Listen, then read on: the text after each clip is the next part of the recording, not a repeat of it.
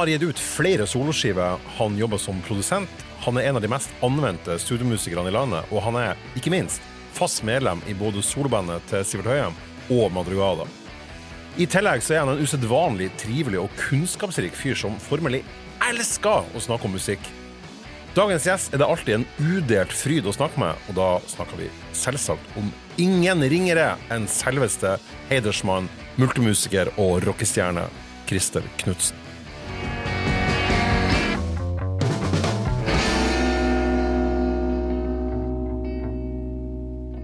Da må jeg faktisk få ønske velkommen til selveste Christer Knutsen. Utrolig stas å ha deg som gjest. Veldig stas å få komme her og prate med deg, Egon. Ja, så bra. For eh, jeg syns det var litt gøy da jeg sendte sånn eh, Vi hadde sånn meldingsutveksling med hva, hva vi skulle komme innom på av tema. og Sånn. Det gjør jeg alltid på, på forhånd. For Ifall gjestene tror at det er juks, så er det, så er det det. det juks er det. Og så, så skrev jeg det sånn, hvis det er noe du brenner inne med, så, som du bare føler at vi må eh, snakke om, så, så shoot, liksom. Og så kom det, så skrev du jeg har tenkt å prate så lenge med deg at de kommer til å blinke med lysene for å få oss ut av studio. Gleder meg! det er et veldig bra utgangspunkt, da. Så jeg, jeg har et stort tro på at det her blir alt annet enn en kjedelig. Jeg tenker det er kult egentlig å sette eh, nåla i tilbake i tid. Altså gå tilbake til guttepjokken eh, Christer. Kan du fortelle hvor, hvor du vokste opp, og hvor starta det hele? Jeg vokste opp på i eh, en liten små hva, Det heter landsby, heter det. Landsby? Landsby ja. heter det. Ja. Eh, Randaberg. Der som eh, Bjarte Tjøstheim er fra. Å ja, nettopp. Ja Ja. Er det langt unna Stavanger, da? Nei, det er grense til Stavanger, så det er ti minutter å kjøre Ja, ok, ja, ja. Mm. Så jeg vokste opp der. Eh, veldig trygg og fin eh, liten eh, landsby. Ja.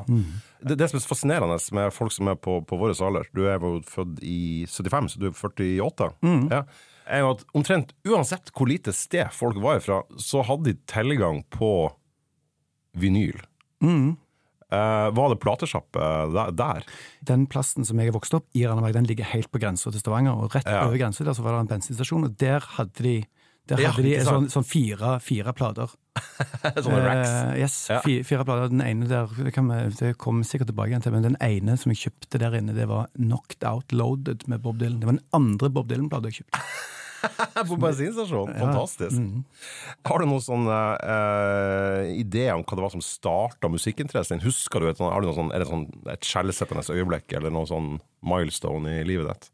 Den første som jeg har sånn helt konkret minne av, det er, som sikkert gjelder sykt mange, det er liksom coveret på en sånn 40 Greatest Hits-plater med, med, med Elvis. Eh, Åh, Han i den også, ja. i, i hvite dressen der med, Ja, i med jumpsuiten. Ja. Ja. Tilbake sånn fem-seksårsalderen, tenker jeg. Hvor- Det er veldig fascinerende. Men, var, men altså, var, han, var han svær i, i området, da? Eh, nei. For at, uh, Det var Norge var, vake i det liksom. Jeg følte at Elvis var litt sånn Mulig det var for foreldrene mine var liksom Beatles, og de var ikke så på, på Elvis. Men jeg, jeg husker ikke Elvis som sånn digert. Nei, men det var en av de ti platene som sto hjemme i hylla. Ja, okay, ok, ja, ja. Det var mer enn ti, da. Men, eh, men eh, ja, det var en av de platene som sto der. Og, jeg, eh, og man blir, det har jeg merka på mine egne unger òg. Det er noe med bare det bildet av han fyren der. det er det fortsatt. Ja, ja, ja. Fantastisk. Ja, som bare juling. Altså, oh, begge, begge, altså, noe av det aller første han eldste mannen min sa Hvor gammel er han? ah, Nå er han 16, Ja. men noe av det første han sa, da han var to år gammel og står og peker på, på, på platehylla og sier 'Ella! Ella!'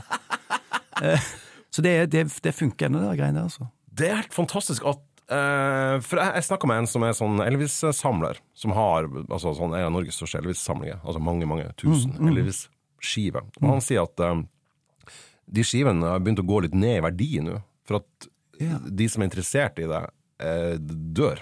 Ja, Så det blir færre og færre av dem. Altså yeah. av de notoriske De gærne samlerne, da. ikke sant? Så jeg trodde jo at Elvis på en måte var i ferd med å kanskje dø ut. Altså i anførselstegn. Det, det, vil- det vil jo aldri skje, selvfølgelig. Men, men, men, men eh, det du da nå sier, at norske unger født etter 2000-tallet blir fascinert av Elvis. Det gjør meg veldig, veldig glad. Ja, i hvert fall hvis de vokser opp i mitt hus, da. Ja. Kanskje litt med det å gjøre. At preferansene er, er i orden. Uh, var det noen spesielle sånne eh, låter der du, du digga, eller var det mer de bildene du var fascinert av? Det, vet du hva, jeg tror det gjelder en stund videre òg. Det, det visuelle der, tror jeg, som, som, som var først og fremst. Og så likte jeg jo selvfølgelig alle de der, Det var mest de der 50-tallstinga som jeg syns var Og du, det var de du, de du digga da? ja, ja, ja. Så jeg klarte ikke, jeg klarte ikke å koble at altså det, det, den visuelle stilen der, at det var samme fyren som. Det, men, men, men eh, så jeg, må, jeg, jeg har satt mor mi i gang med, med, med, med sånn kostymelaging fra jeg var bitte liten til jeg var godt voksen, jeg, altså. Laga hun jumpsuit her? Ja, ja, ja. ja, ja. Å, herregud, du er helt fantastisk! Ja, finnes det noen bilder Ja, det? ja, det? ja. Det, ja, det finnes det helt sikkert. Fantastisk! Ja. Eh, Øver du inn movesene og sånn òg, da? Ja, ja, ja. Satt på kne, satt, satt på kne og, og, og, og tørket med lommetørkle og kastet. Og kasta på stuegulvet? Holdt på. Så jævlig bra. Jeg, jeg husker um, Noe du ikke svarte meg på, på mail, som jeg husker da en gang jeg, jeg, jeg lagde en sånn Jeg tror det var Bruce Springsteen var 70 år, eller noe sånt. Så sendte jeg ut eh, en sånn standardmelding til masse folk jeg kjenner som holder på med, mus- med musikk, da, om deres forhold til Springsteen. Og jeg visste jo at du hadde forhold til Springsteen, det, det skal vi komme tilbake til senere. Men det var For det var liksom neste, det var neste Ja. på lista. Og det svaret du ga da, var jo helt Helt episk. Kan, kan du fortelle om ditt, ditt møte med, med Elvis? Nei, med, med Springsteen, mener jeg. Ja, altså, eh, det, det, det var sånn Sky Channel, sikkert. Sånn Super Channel, Sky Channel det? Ja, ja, ja. Å, dæven, ja. Da uh, var Dancing in the Dark-videoen. Fra Born in USA, ja. Ja. Uh, 1984. ja. Ja. Så da har jeg vært ni, da. Uh, han var jo da altså så sykt kjekk. Han var tøff. Ja, fytti grisen. Så, da, så der òg Og og så Born in the USA-videoen òg, da. Jeg vil jo til, til låten, ja. ja. Ja, eh, Den gjorde også veldig inntrykk. Så da, da, da uh, gikk jeg på skolen jeg, uh, Igjen da, med disse kostymene, så gikk jeg på skolen med, med, med skinnjakke, som, eller sånn, sånn, sånn Sky-jakke som jeg hadde. Og så hadde jeg fått dongerijakke som jeg klippet av armene på. Det var ikke mor mi så glad for. Nei, jeg skulle Og, si det. og, og bandana, og gikk på skolen. Og, Bandana, altså sånn skjerf rundt hodet? ja, ja, ja. Akkurat sånn som i den Born in the USA-videoen. Ja, du, du kom på skolen som en sånn minimi Yes. av Springsteen? Yes. I, i, i Sky uh... Ja, og fikk så jævlig tynn. Eh, Men så var det, så var det en, en lærer, ja. For du ble mobba av det? Ja, ja, ja, ja, ja, du så døv ut? Ja, ja, er du gal? Ja, Det er jo 84, for faen. Ja, også. ja, Det var jo ikke ja, ja, ja. akkurat eh, standard norsk Nei. Da hadde jo dun- dunjakka pastellfarge. Som, ja. Så det funka veldig dårlig eh, Ja. sosialt. Men, men det var en lærer der da, som skjønte hva, hva som var greia. Så jeg fikk eh, Som forbarma seg over det. så, ja, så han kom dagen etterpå, så kom han, hadde han med seg The River og Darkness on the Edge of Town hadde han med på vinyl. Så fikk jeg de på Du fikk de ja, ja, av læreren? Ja, ja, ja. Og han var en ryddig fyr Jeg har møtt, eh, jeg har møtt noen jeg har, hatt, jeg har hatt veldig mange bra lærere opp gjennom. Herregud! Ja. For en fantastisk eh, ting å gjøre. Det, Ja. det kunne vært Det kan jo være en, en vesentlig ting i eh, det videre livet ditt. som Ja, musiker. Grunnen til at vi sitter her. Hva Ja, var han Sa- kule samme, samme fyren var han som, som sa at til over sommerferien så burde du lære deg å spille gitar. Så kan du spille en sang på ja. Så det det Hva, var han hva, hva han heter het Frode. Frode. Mm. Frode, hvis du hører på, så skal du bare vite at jeg ble veldig rørt av å høre det her. For det der er jo et veldig bra eksempel på hvor tilfeldig sånne ting er. Mm. Altså hvor, eh, Hadde ikke du tatt den bandana-greia på deg og blitt mobba, og han har forbarma seg over deg, så hadde du kanskje ikke lært deg å spille gitar, og så hadde du endt opp på gjort en sånn kjempefornuftig studie, og så har du vært en døll byråkrat i dag. Ja, det kunne jeg. Kunne jeg ja. Sliding doors. ja, fantastisk. Du sa også at, at uh, morfar din hadde, hadde en litt sånn spesiell plate. Det, det syns jeg var så jævlig artig. Ja, han, han kom hjem med Han hadde kjøpt en sånn Det var sånn, ja, Helga spilt de Hammond-orgel. Sånn, Ja, for, for det, for det var det. For jeg, jeg, jeg begynte å samle på sånne orgelplater Oi, er det i voksen er alder. Ja, ja, ja. Nei! Så jeg kjøpte jævla mye sånn Klaus Wunderlich, og um, så kjøpte jeg også han Hva heter han? Hubert Teichmann. Ok. Så var sånn Ja, ich komme! Og så bindestrek Mitt die Hammond, eller Das Hammond. Oh, ikke sant? Og så var det så jævla grisete cover alltid. Ja. Veldig sånn eh, mye halvnakne damer som var dandert rundt Hammond-orgel som om de var frukt. Hvis noen der ute har den plata som jeg tok ut, eh, eller den, den som han hadde kjøpt Ja. For det var ei gammel, eller det var ei eldre dame med hornbriller og en sånn lilla bluse. Som lener seg litt sånn frekt over Hammond-orgelet, men hun er i, sikkert i starten av 70-åra, altså. er, hun, er godt påkledd òg, da. Ja, ja, veldig, ja, ja, ja absolutt. Men, men, det- men den. Men jeg, jeg kasta jo det coveret der, for inni det som det som er videre i historien, og det er inni den plata som, som morfaren min hadde kjøpt, der lå den der Bob Dylan Greatest Hits 1962-66, eller hva det var. Ja, Den- ja, det er jo en relativt fin periode Ikke på? Bob Dylan. Så det, og det er jo den som Columbia ga ut når han på en måte hadde krasja og ikke ga ut musikk lenger. så ga de ut sant, den ja, der. Etter motorsykkelulykka. Ja. Så jeg hadde jo ikke cover til den, så jeg kasta ut bare det der eh, Helga coveret. Men det hadde vært utrolig gøy å sette igjen det coveret der. Der er jo Discogs helt fantastisk. At man faktisk kan gå inn og finne sånn ræl. Ja. Eh, og så kan man kjøpe, Det der tippet koster ingenting Ja, sant. i dag. For jeg, når jeg oppdaga det her, jeg, jeg var veldig veldig opptatt av de her Hammond uh, Det plateshoppet, så tok jeg inn en, eh, en eh, CD og en LP som heter Sjol Medkjenn. Oi.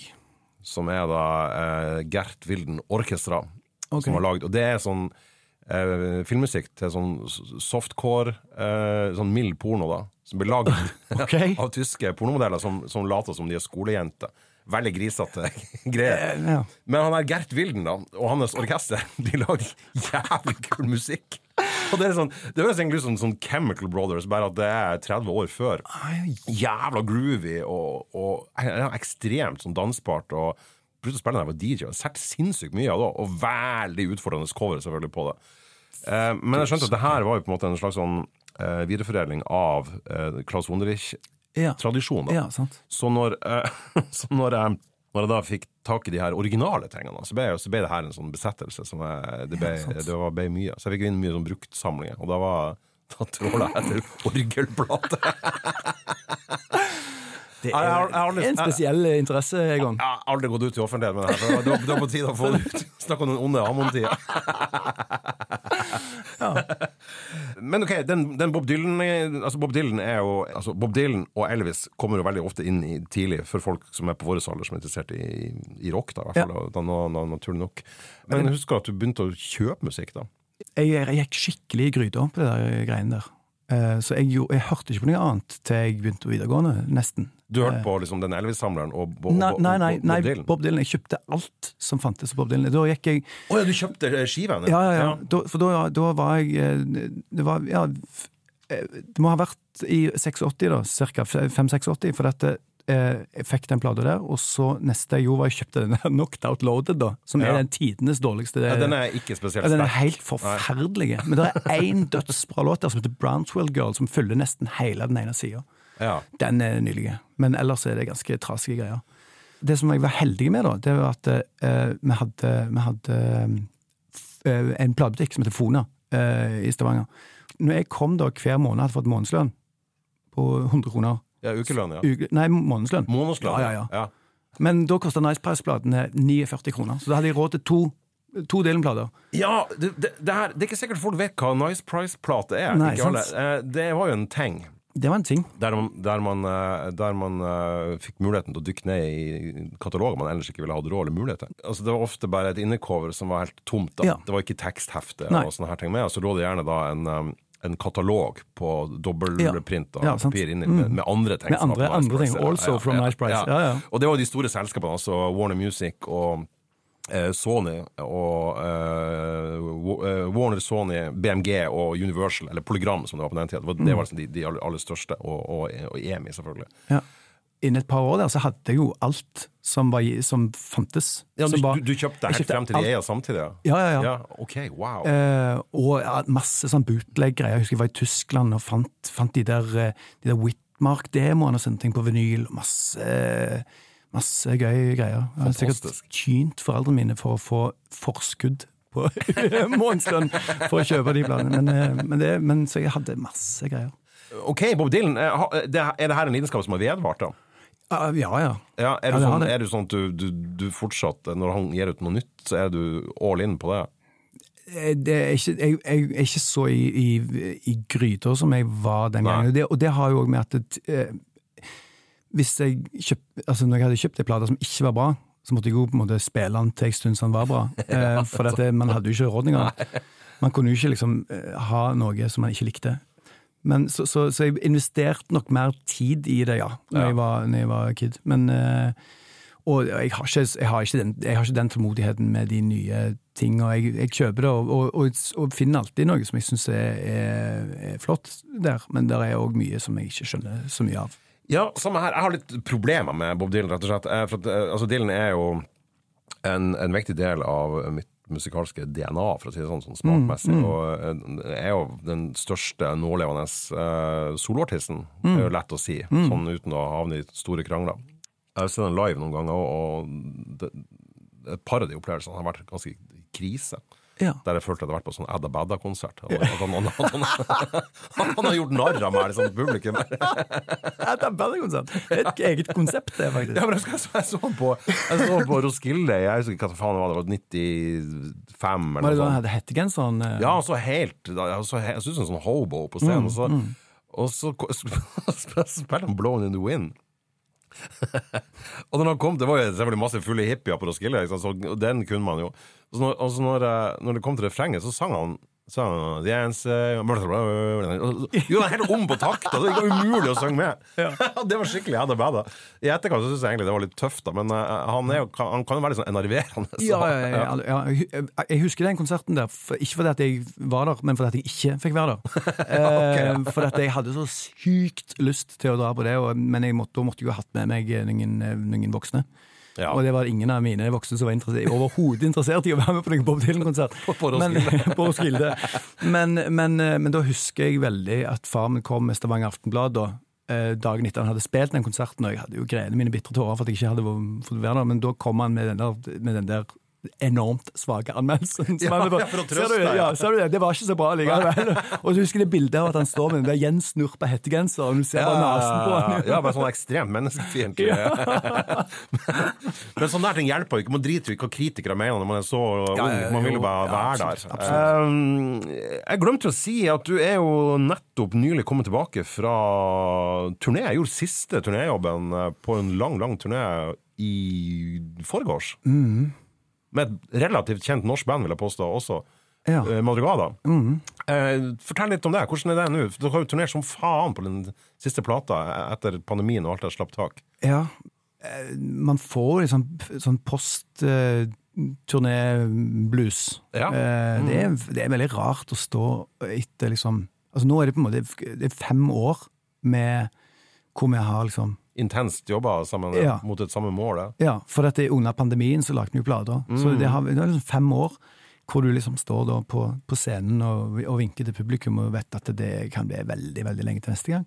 Ja. Det er, det er sånn eh, Det er klart det er, det er sånn Ja, man blir litt blå av de greiene der.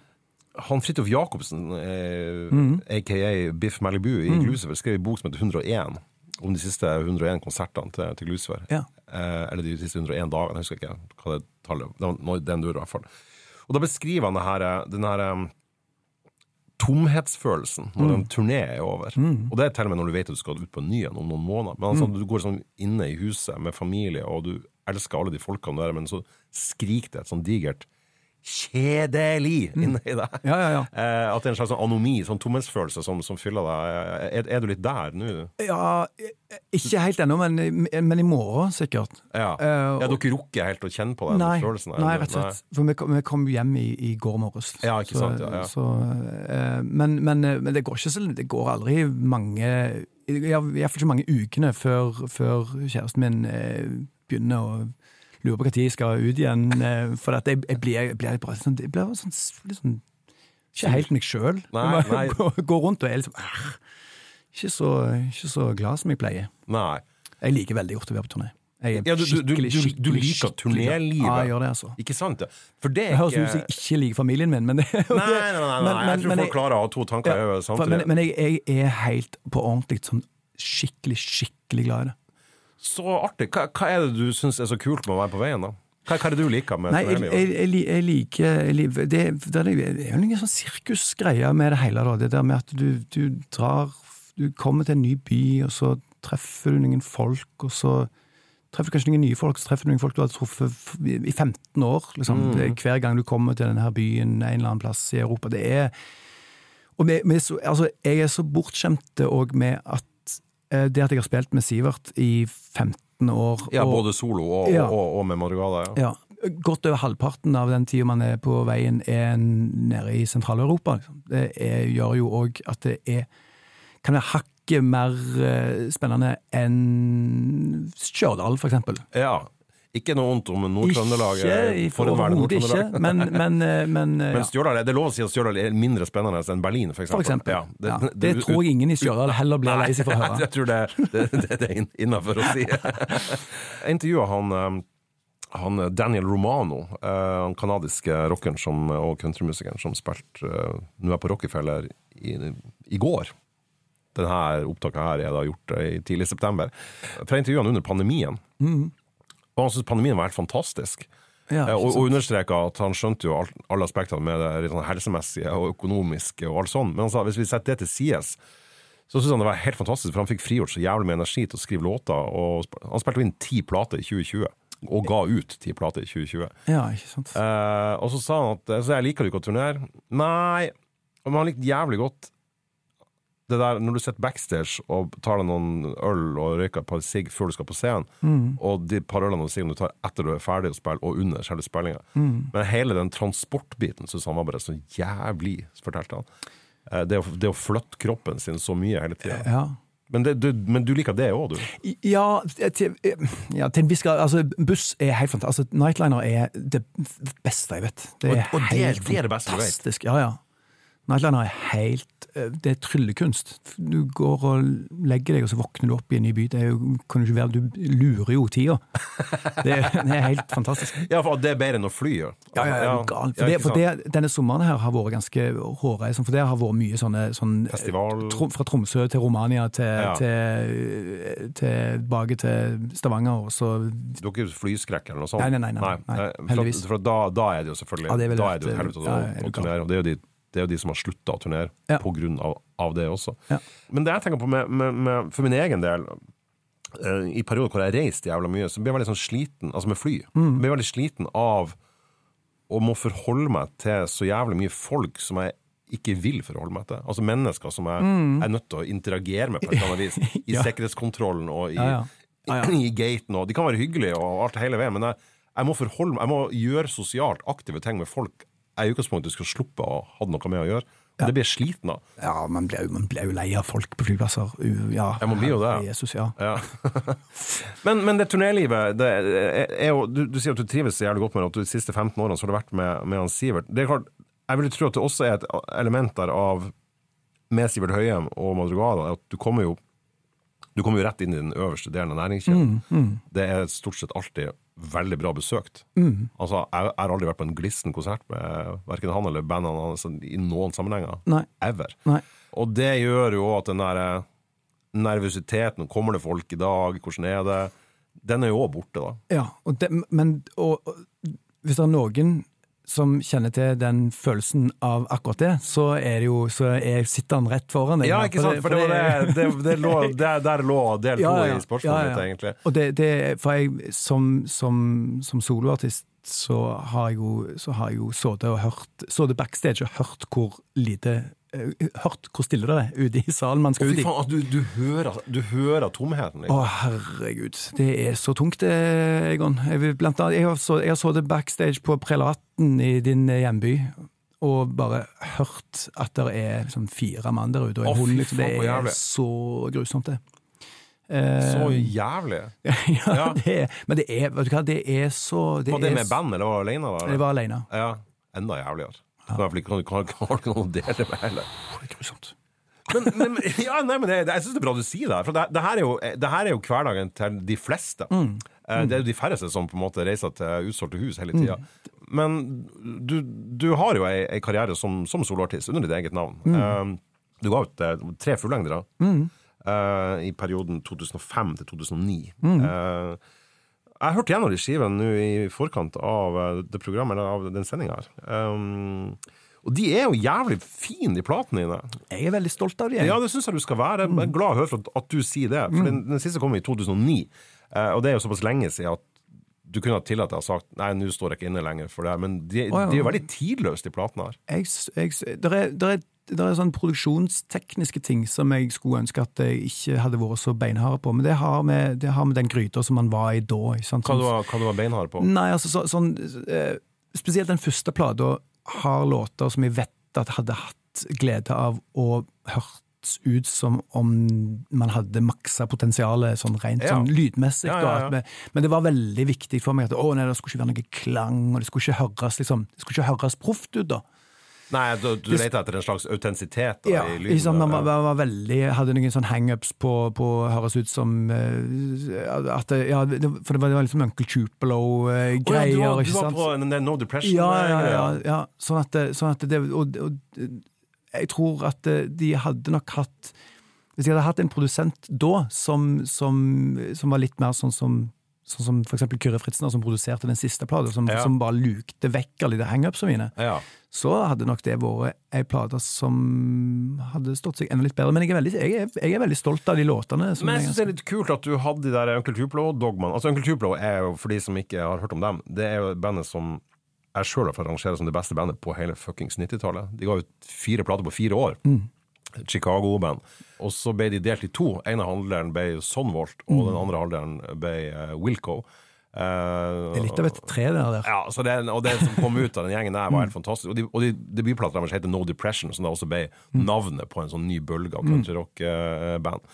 Men de skivene kom jo ut Altså No Depression kom ut i 1990, og Anodyne, den siste, kom ut i 93. Eh, og så kommer da Christer Knutsen og er Onkel Tuplo-dogmatisk fra 2005 til 2009.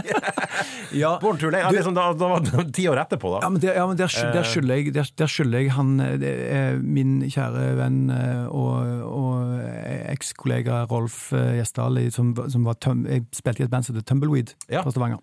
Var du med på den, begge platene, eller var du med på den første? Eh, Begge platene. Du var begge, ja, ja. Også, Det var to EP-er som kom ut før jeg begynte, men Ja, så, så da sto jeg i publikum og, og ba uh, tynt om å få lov å være med i bandet hans, men jeg fikk, eh, fikk aldri lov. Fikk ikke lov, nei, nei. Sånn som Keith Moon gjorde på The Who. Ja, typ. Og så, så til slutt så, så, så ble jeg invitert, uh, invitert med. Altså, han hadde sine dogmer, eh, definitivt. Ja. Eh, har han, det har han sikkert ennå. Ja. Det, det er bra. Han, eh, han overførte veldig mange av de til meg, og jeg lærte utrolig mye.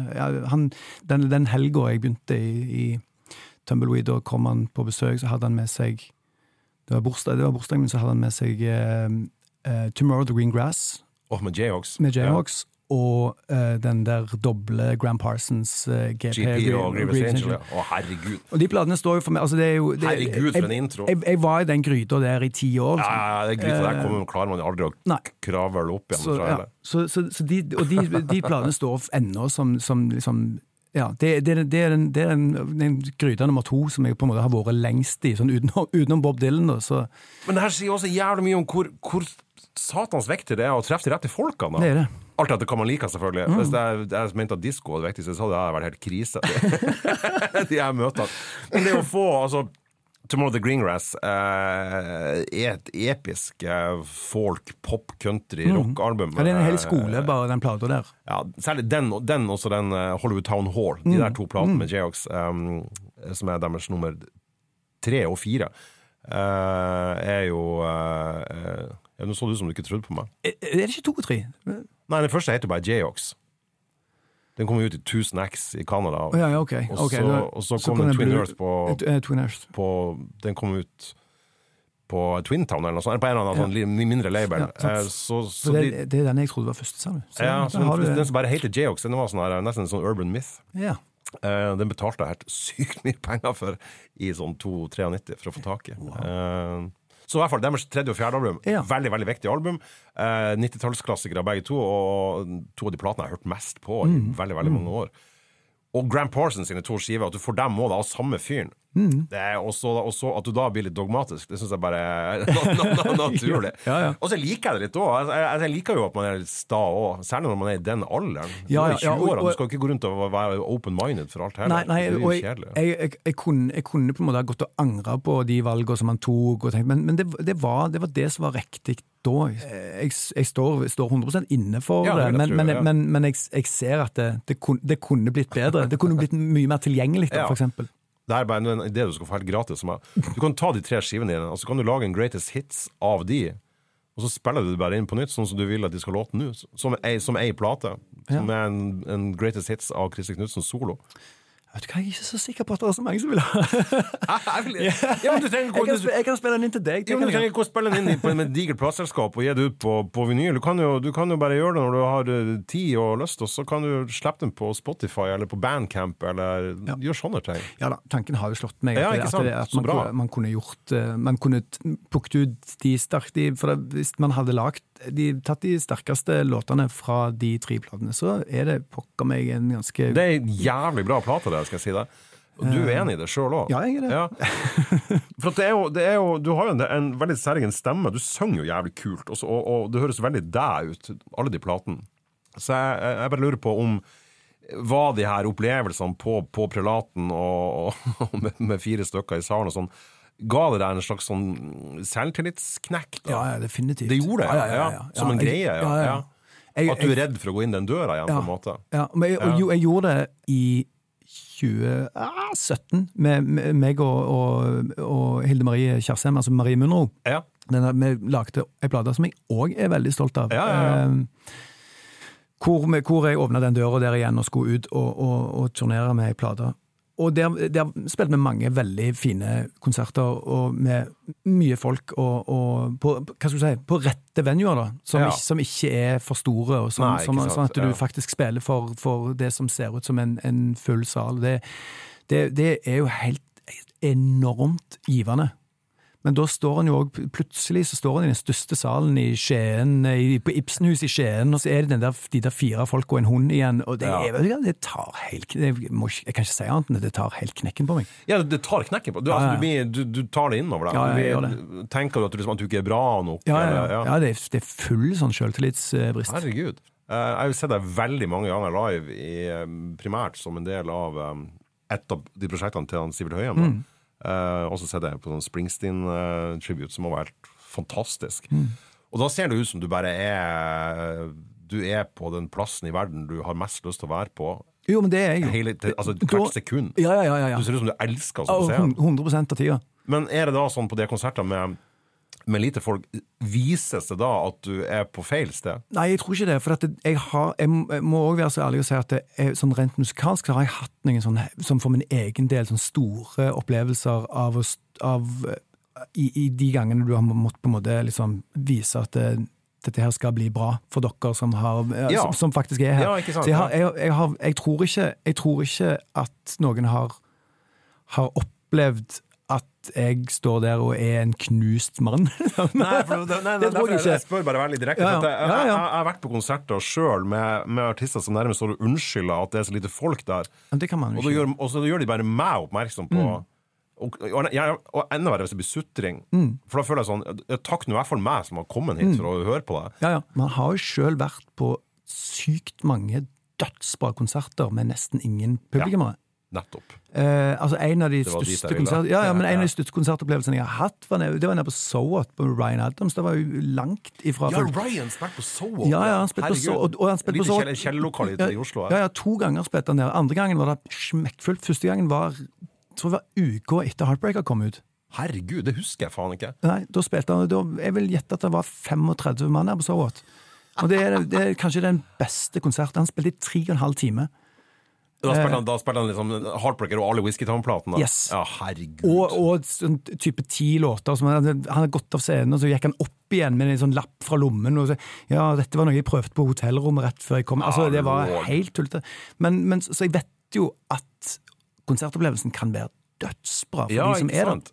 Mm. Jeg så Backstreet Girls i eh, 89 i Bodø. Eh, Jeg bodde på Fauskra, som er seks mil unna. Bodø en slags havn til Fauske. Så Til metropolen Fauske. Trodde jeg skulle komme til et sånn peise fullt lokale, for jeg hadde vært og sett Raga Rockers der noen uker før. På 18-årsdagen min. Så jeg, jeg trodde det var sånn det var. At det alltid var Ja, ja, ja, ja. Men da var, det, da var det sånn 20 pers jeg, på Backstreet Girls. Og de kommer ut på scenen, og de, um, og de er bare sånn Takker alle for at de hadde kommet.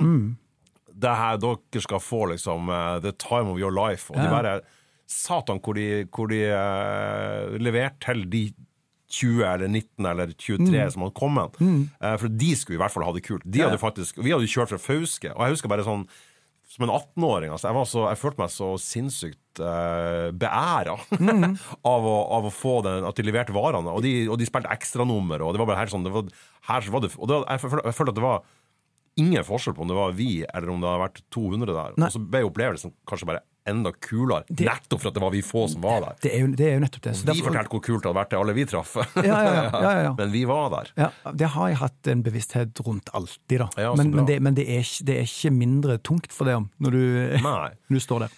Med de soloplatene mine, så, så, så ble det, ble sånn høvelig bra mottatt. Sånn, over hele, altså, alt var ikke like euforisk, men det var, det var bra. Alt, Mm. eh, men, men de tingene som jeg husker, det er ikke de enkelte sekserne og femmerne og alt det der greiene der eh, som man fikk. De husker jeg ingenting av, men jeg husker de der Christer Knutsen er kjedelig, liksom. Ah! Nei, slutt, da! De, de, de husker man jo resten av livet. Ja, liksom. ikke sant? Det, Eh, og da, det er sånn man er hvis, du da, hvis du da rett etterpå leser Christer Knutsen har lagd årets plate, så eh, om, det, det betyr ingenting når, eh, når han der ene gjøken i groove.no sy- syns du er en dødskjedelig fyr. Ja, du- da- og hvor er groove nå? ja, ja, ja, sant. Da, da, da kan Geir Rakvåg eh, si at dette her er helt fantastisk. Det burde jo bety noe, for Ja, Geir er liksom gjøre, ja. Norges beste musikkjournalist. Men det burde betydd mye mer enn hva en eller annen kødd i groove.no mente. Men det har endt opp med at jeg den husker, jeg hele, husker den hele anmeldelsen. Jeg, ja. jeg kan nesten resitere den. For det. Men jeg må bare si at Groove De tror jeg faen ikke finnes lenger. Nei. Men Christer Knutsen, Ja, han finnes. han finnes. Så, så du vant in the, in the end. Jeg trodde alltid du var på der CCAP Records, Mm. eh, som var, eh, og er vel fortsatt, en, en label drevet av en utrolig flott, eh, flink, eh, fin type som heter Tom Brekke, som ga ut blant annet Thomas Dybdahl og Mm. mye annet, og Hellorado, og, og var med og drev Checkpoint Charlie mange år i Stavanger, rock, rockebaren der. Så jeg tror du er alle platene der, men så så nå var de på, på CNC Records. Og det er jo Christer Falk sin label. Eh, en, en, um, en ekstremt driftig uh, og veldig dedikert uh, fyr når det kommer til Altså, det han gjør, gjør han ikke halvveis, da. Nei, nei. Men hvordan havna du der? Ja, Vil du ha den lange eller den korte historien? Jeg vil ha den artige historien. God det, det, det som er greit, er To- Tom Sjekkesæter, som eh, begge kjenner, som Ja. er- og er eh, Første, første manageren til Madrugada. Ja. Legendarisk musikkjournalist. Yes. Velgjører, konsertarrangør. Ja, alle de bra tinga i en eh, verden. skikkelig helt. Uh, han ringte meg og spurte om jeg kunne være i bandet som skulle spille med alle artistene som skulle høre en sånn hyllestkonsert i Oslo kretsfengsel.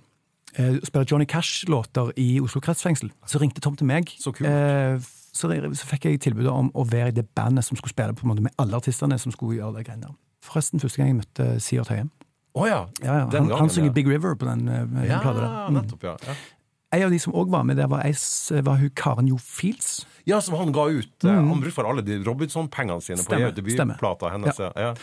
Og når vi når den plata der skulle For den ble jo en innspilling, den her konserten i fengselet der ble en innspilling. Så når den skulle promoteres, den plata, så, så skulle de bruke en If I Were Carpenter-innspilling som var en duett med Sivert Høyheim og Jo Fields. Og den tror jeg faen ikke jeg har hørt. Er det sant? Den, Det må jeg skjerpe meg. Ja, Ja, ja. ja. det var litt pinlig.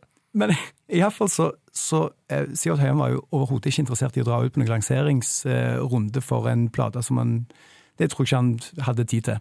Så den som reiste rundt med Karen Jo Fields på alle sånne, sånne Oslo TV, sånne rare, merkelige ting, ja, litt sånn God morgen Norge-opplegg og sånne ting, det var da altså meg og Karen. Å ja, du tok eh, hans rolle, ja. ja. Og så hørte hun eh, Eller fikk, hadde jeg en demo med noen låter som jeg hadde lagd sjøl, som hun fikk høre. Og så lurte hun meg rett og slett inn på, på, på kontoret til Hun sa at jeg må bare opp her og hente noen greier. Tok vi med opp til, til kontoret til, til Christer og Frode. da. Ja, Eh, Frode det var CNC pluss Frode Records Ja. eller noe sånt. Ja. Uh, og mens jeg sto der inne i et hjørne og var livredd, for det var jo Christer Falk, liksom. Herregud. Han var jo, han var jo stjerne og sånne ting. Så Og jeg- klin gæren. Ja, ja. Og, og Eh, helt topp. Ja. Ja. Så, så, så sto det der Ja, dette er Christer. Han, dette her er sangene hans. Å nei, var skal plutselig på date, liksom. disse skal du gi ut. Og der sto du! Der sto jeg. Å, herregud, hvor kleint! Ja. Jeg følte meg bare egentlig litt teit, og så gikk jeg, så når vi gikk, så ringte han når jeg eh, kom ut i heisen. Så hadde han satt den på, så hadde jeg hørt sikkert da 20 sekunder av første låten, og så sa han du må komme opp igjen. Veldig gøy. Fantastisk! Det var da altså, han, han kicka på det med en gang. Veldig. Herregud, hvor kult. Eh, nei, for han Christer er jo en sånn fyr som eh, Hvis han hører på det her, så han, han, er- han er veldig skamløs og, og veldig lite forfengelig på, på merkelapper på seg sjøl. Ja, ja, ja. Eh, men han, han er jo en fyr som eh, jeg tror det er veldig fint å ha med seg i krigen. da Hvis du har han i ryggen og selskapet hans, sånn, så, så vet du i hvert fall at du, du er på en label der eh, den som har signert deg, liker det du gjør. Så han, han ga jo faen meg ut to plater med deg. Så han må jo ha trua. Ja, ja. Og han, han, altså jeg fikk jo så, jeg fikk så mye pressedekning på den første plata at jeg endte opp Jeg husker jeg endte opp i, var i P2 på et program og måtte liksom svare på De diskuterte hype. Og, og brukte meg som jeg, jeg inviterte meg i studio som eksempel som på en case. Ja. Så så mye Så det var helt ko-ko. Fantastisk. Eh, altså, du, har jo, du har jo også, det jo- du, det er jo verdt å nevne her, altså, du, har, du har jo spilt med veldig mange. Jeg gikk inn på Discogs og sjekka liksom, trackinglista di. Den er jo ikke komplett sånne ting noen gang på, på internett, så man kan ikke stole blind på det. Men det som er der, er nå i hvert fall der. Og du har jo vært med på helt sykt mange plater til andre artister. Eh, Madrugada og Sivert Høyem kjenner vi jo til, det vi snakka om, og soloplaten og alt. Og så nevnte jeg jo Thomas Dybdahl i stad også. Da Eh, Torgeir Valdemar, Skambankt, Black Debbat, eh, Rita Eriksen, Claudia Scott, DumDum Boys, Stein Torleif Bjella. Så det er, sånn, det, det, det er en, en enorm spennvidde, og, og, og, um, eh, både i sjanger og størrelse og alt. Men du, du Og det ser ut som det for det meste er, er keys du er Altså tangenter, da. Og, og også gitar, da. Jeg visste ikke at den lista var så dyr. Og ikke, ikke minst hadde du også gjort Du hadde spilt på plate med Det syns jeg var veldig artig. Du hadde spilt med både Marit Larsen og Marion Ravn. Ja, ja, ja. Så du er egentlig den som kan få M2M sammen igjen, da. Ring meg! ja. Men altså, du, du har gjort utrolig mye forskjellig, da. Eh, eh, Syns du det her er, er, det gøy, eller er det, eller er det jobb? Nei, det, er- det er 100 gøy. Jeg skulle, jeg skulle ønske jeg kunne gjort mye, mye mye mer av det greiene der. Ja. Altså hos, hos andre? Ja, ja, ja, ja. For da kommer du på en måte til dekka bord, og så kommer du bare og, og tegner på, på veggen, på Og det er helt, det er så gøy, det. Det noen ganger, altså enkelte ting, så er det jo sånn, så vil de ha sånn spesifikt et eller annet som de tenker at jeg kan, da. Som er- Odd Nordstoga eh, Ja, Odd Nordstoga ja. Innspillingen der, Ja, så er det fordi de, de trengte noe sånn, sånn Springsteen-piano. Det kan du gjøre. og, det, og det er jo supergøy å bare komme inn med sånn, en sånn helt konkret oppgave du skal gjøre. Fantastisk. Det er dødsbra. Det er kjempegøy. Det, må, det må vi si også, da. Eh, eh, du og Odd Nordstoga i lag med Horntvedt-søsknene og uh, Rolf Inge Uggen fra mm. Glucifer og masse andre band. Hvem har jeg glemt nå? Øystein Kjærlån fra, fra Real Ones. Ja, han var òg med, selvfølgelig. Mm. Og dere hadde et band som heter um, Asbury Park. Som egentlig var et, et sånn bestillingsverk til en festival. eller noe sånt. Ja, Kongsberg Jazzfestival. Kongsberg Jazzfestival. Et Springsteen-tributeband. Ja. Og så skulle dere gjøre den eh, i uh, Oslo på Rockefeller, eller noe sånt, så fikk jeg en telefon fra Rolf Inge Uggen, da, som jeg da kjente gjennom Glucifer på den tida. Han spurte om de kunne gjøre en slags sånn preprod i Tromsø på det her. Ja. Da var det du og Odd Nordstoga som var frontfigur i bandet. Og jeg har hørt deg synge på, på plate og sånn, men jeg, jeg, jeg lurer på om dere starter med Adam Race the Kane. Kan det stemme? ja, det kan stemme. Ja. Du starter med den låten, og da, da kommer du ut på scenen. Og du ser jo ut akkurat som, som du gjør. Du ser ut som ei sånn rockestjerne, men du ser jo ikke ut som Bruce Springsteen. Selvfølgelig, for han ser jo han ser ut som Bruce Springsteen. Men du hørtes jo faen meg kliss lik ut! Det var jo helt sykt! Det var, det var blåkopi av Springsteen. Alt var likt. Det er noe av det kuleste jeg har sett eh, Det var noe av det kuleste jeg har sett live i Tromsø. Det var, helt, det var altså så latterlig bra! Eh, og du sang jo faen meg så jævlig springsteensk. Du må jo ha studert det. Og det samme gjorde Odd Nordstoga. De spilte Tougher Than The Rest. Da snudde jeg meg med ryggen til og gråt for jeg, jeg, og lot som det var Springsteen som sto og det er Horntvedt-søsknene var så dritbra. Martin Ja, ja. på tromme. og sånn, Det var, sånn latt, det var så latterlig Og bra. David Wallumrød på orgel. Stemmer det, ja. Mm, ja. Og, og Yngve, Rolf Yngve da, som, som Nils Lofgren. Da. Det var altså så Du ville sagt skambra! Ja, skambra. Eh, det, men det syns noen hadde så jævlig artig. Og det var egentlig en rar konstellasjon av musikere. Det var, det var eh, sånn som jeg har forstått, eller sånn som jeg ble fortalt den gangen av Martin Horntvedt, det var at dette her var en sånn turnélek de hadde. Jeg bare sier Horntvedt, de- altså Jaga Jazzist, Ja, liksom ikke ja. vet det. Når de satt i turnébussen, så satt de og lagde på en måte hvem, hvem skulle vært hvem i et norsk Og i et norsk eh, E Street-band! Ja. Ah, Eh, så det var, det var på en måte en slags sånn, sånn, eh, sånn Billelek. Ja. Ja. Og så, hadde, så kom de fram til Så kom de opp med det var derfor, og jeg, jeg kjente ikke de noe sånn godt på den tida, Nei. jeg kan huske. Eh, Så det var litt sånn Det, det var veldig sånn tilfeldig eh, Men det, det så så sykt artig ut å stå på scenen. Ja, det var helt Det var utrolig For det var så jævlig bra band. Altså, det, var så, det, var så, det, var, det var ingen akilles der. Alle var dritgode. Ja, det var veldig gøy. Ja. Det var veldig gøy. Og så veksla bare du og Nordsaga på være Springsteen. da. Mhm. Ja, det var helt fantastisk. Jeg husker til og med Jeg var, jeg var ikke veldig begeistra for Jaga sist. Det, det tror jeg vil være en underdrivelse å si. og så husker jeg, For jeg var jo arrangør, da, og så dro vi på Blårock etterpå. Det var jo under filmfestivalen så var det sinnssykt mye folk. Mhm. Men da finner jeg altså meg sjøl eh, hengende rundt halsen på Martin Horntvedt mens vi, vi på Blårøk og sang allsang til et eller annet og drakk Fernet. Og, og tenkte bare satan, musikk, det er kraftige greier. Altså. Ja, det er det. Og, og, og veldig vektig å bli minnet på om at man er altfor trangskalla av og til. At må, at, og at det er jævlig mye fine folk der ute som man bare må man må treffe dem, og man må snakke med dem, og man må høre på. Absolutt. Du, jeg, jeg traff deg på en, en fest her i sommer, eh, etter en konsert dere hadde med Morgada, og så ble vi sånn så nerd om ting. Eh, Som man gjør. Sånn som man gjør. Det, og det er jo kjempeartig. Så sier du, jeg, Nå har jeg kjent deg ganske mange år, eh, og, og vi har sittet masse og pratet musikk. og Jeg har bra oversikt over hva du har gjort. sånn. Det er jo en grunn til at jeg inviterte deg som gjest. eller For jeg syns det er sinnssykt artig å snakke med musikk med deg. Vi snakka liksom om Jim Reeves og liksom glatt country som er, kan være kult, og sånn, og så, og så kom vi da til å snakke om Bjørn Haaland, som jeg da sier sånn Ja, han har jo enkeltlåter der som er jævla bra. Jeg, skulle ønske at noen, at noen tok tak i han og produserte plate med han, sånn ordentlig, sånn at det, at det kunne høres litt kult med bra band Og så sier du 'Det har jeg gjort'! Fortell! Det var helt sinnssykt! Du har produsert Bjørn Haaland. Hvorfor sa du ikke det før du sa navnet ditt? Det er jo helt, det er jo helt, det er jo helt fantastisk. Hva, hva er det her for noe? Og da sa jeg det her, vet du hva, jeg vil ikke høre om det her. Det her, det her vil jeg ha på en podkast. Så nå er vi her. Fortell! Ja, men, altså, det er jo en, sånn- det er, en- det er en av de tristeste historiene jeg har å komme med. eh, For det, det ble jo aldri Det ble jo aldri en plate. Nei, det materialiserte seg ikke i et album. Nei. Men eh, ja, det, Så det var synd. Ja, veldig. Det var min, min, eh, min, min kjære venn og, og hedersmann Per Hermansen. Han hadde fortid i platebransjen. Jeg lurer på om han var major. Oh, Og jeg husker Major. Mm. Husker ikke navnet hans. Men, ja. Men han var eh, Han var eh, han som da kom på et tidspunkt der til meg og sa at eh, du må produsere Bjørn Haaland. så, så, så, Altså, Bjørn Haaland, vi snakker, vi snakker en av de suverent største artistene fra Norge noensinne, altså i platetall. Mm. Ja, Sterkt over en mild skive. Ja, ja, ja. Og, gigantisk countryartist. Ja. Jeg, flirer, jo litt av det eh, fordi at, altså fordi at jeg var så uerfaren som produsent. Da jeg hadde, hadde jo produsert på en måte min egen Debut. debut.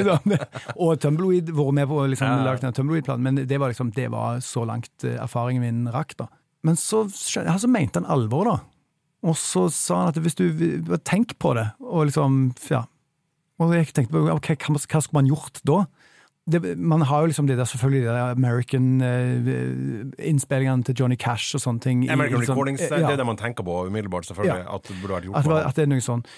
Så vi bare samla sammen et sånn kobbel av låter som ingen hadde hørt.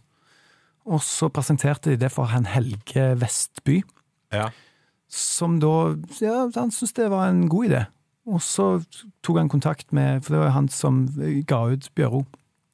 Eh, det er veldig viktig for meg å understreke her at jeg hadde, det, var ingen, det, er ingen sånn, det er ingen ironi eller noe sånn Nei, jeg, jeg, jeg finnes ikke noe det, finnes ikke noen bedre countrysanger i dette landets historie, da. Nei, og grunnen til at vi, jeg fikk vite her, det var jo at jeg sto sjøl og sa at jeg syntes det var helt tragisk Ja, ja. at ikke noen tar tak i Bjøre Haaland før det er for seint, og får gitt ut ei ordentlig plate med han. Så jeg var i møte med, med Bjøro og Du Liv. traff han sjøl òg, ja, ja, ja.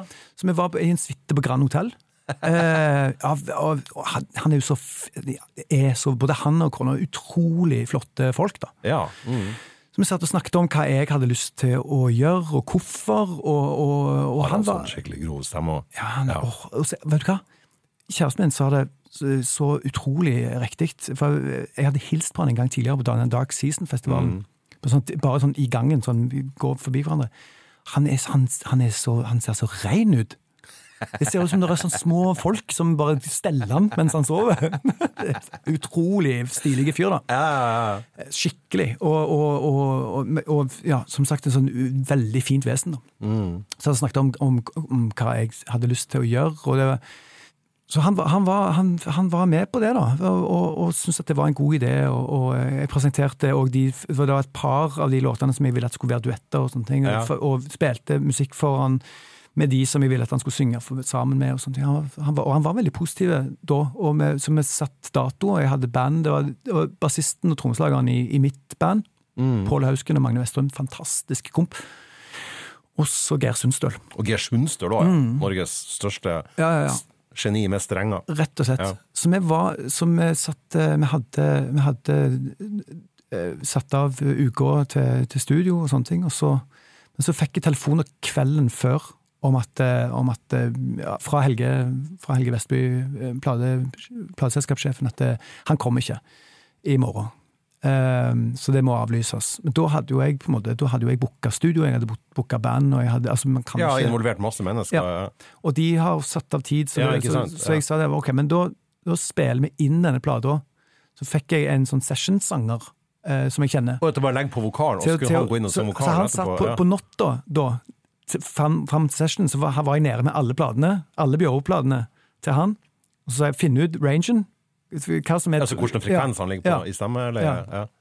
Og så var vi inne og spilte inn hele, hele plata. Eh, Sånn at han, hvis han ombestemte seg, kunne på en måte fullføre prosjektet Bare senere. på vokalen, ja.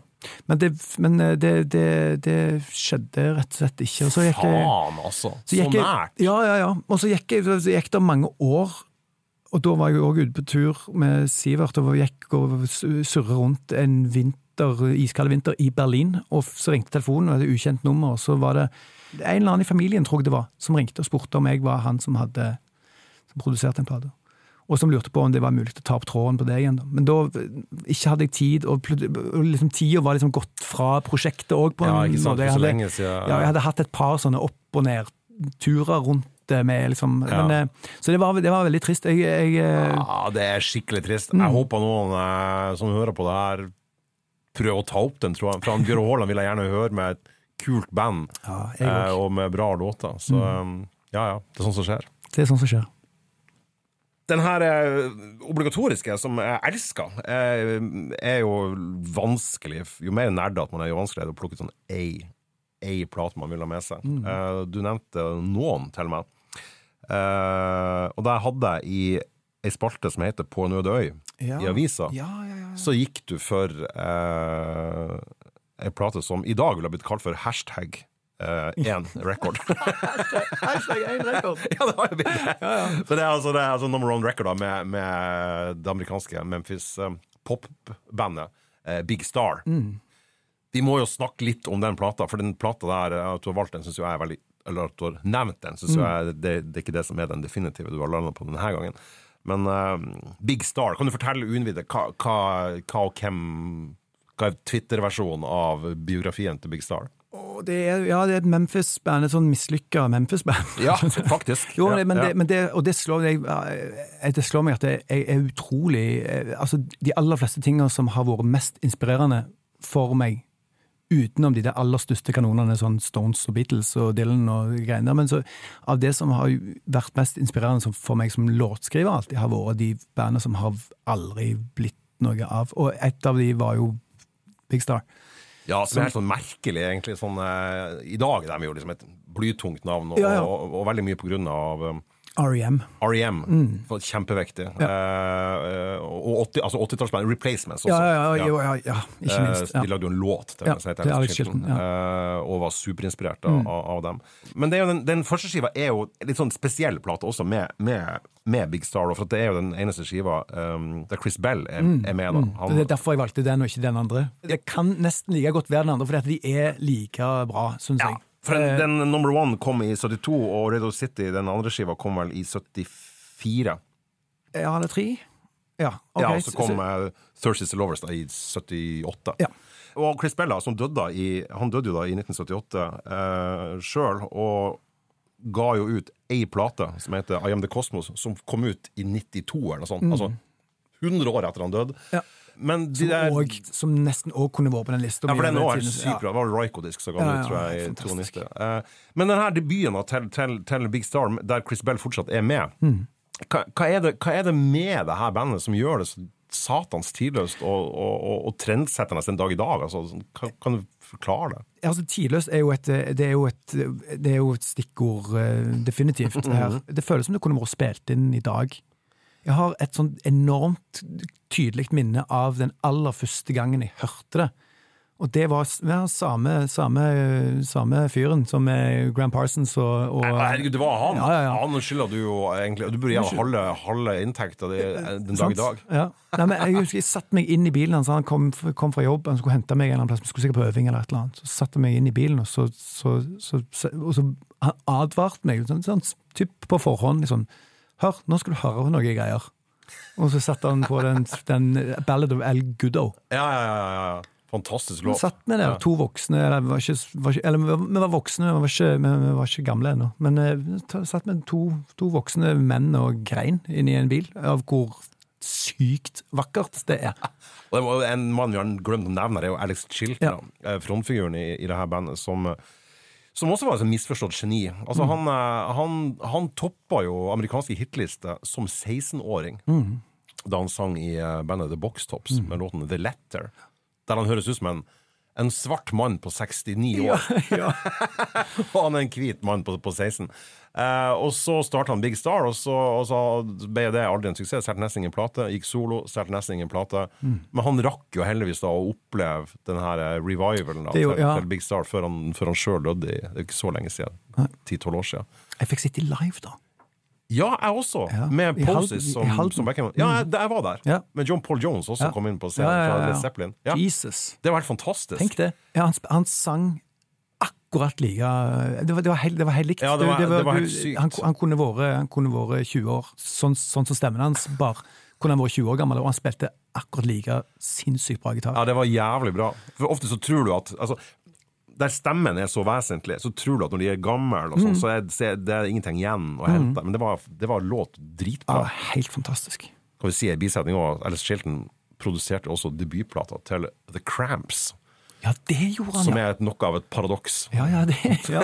Jo, eller vet du hva det ringer? Det føles ikke som det er noen ting som er bare- Han, han lagde jo alt mulig rart. Ja, Det er- det var at de skulle liksom dra til Memphis, for Ja. det var der Elvis eh, var fra, og så skulle, eller bodde, og så skulle de da få eh, Elvis-vibben, og så tok de liksom en, sånn Elvis, eh, en Memphis-legende, som jo Chilton var. For De var fan av Big Star, som kanskje ikke er så logisk, men eh, fikk han da å produsere Mm. det mest grisete garasjerocket som var kommet. og det var en elendig match. Ja. Masse krangling. Ja, det vil jeg tro. Ja. Ja, alle som ikke har hørt Big Star, må høre på det. Eh, skal legge til gode låter der. Men det er én låt der i særdeleshet fra denne plata som jeg vil trekke frem, og det er for at jeg vet at den er viktig for deg og familien din. Rett, ja. Det er kanskje en, den søteste låten og den som er laga, og kanskje den beste låten som beskriver sånn ungdoms utenforskap og forelskelse og det er hormonkaoset Ja, nå fikk du gåsehud! Å, så skulle det skulle vært filma. Jeg fikk gåsehud. At du fikk gåsehud. Men den låten er så um, Den er så jævla sterk, og den er så Den er så, uh, den er så tidløs, og den er så Ja, det er vel ingen låter som bedre har beskrevet det der med å være ungdom, eh, nemlig låten 13.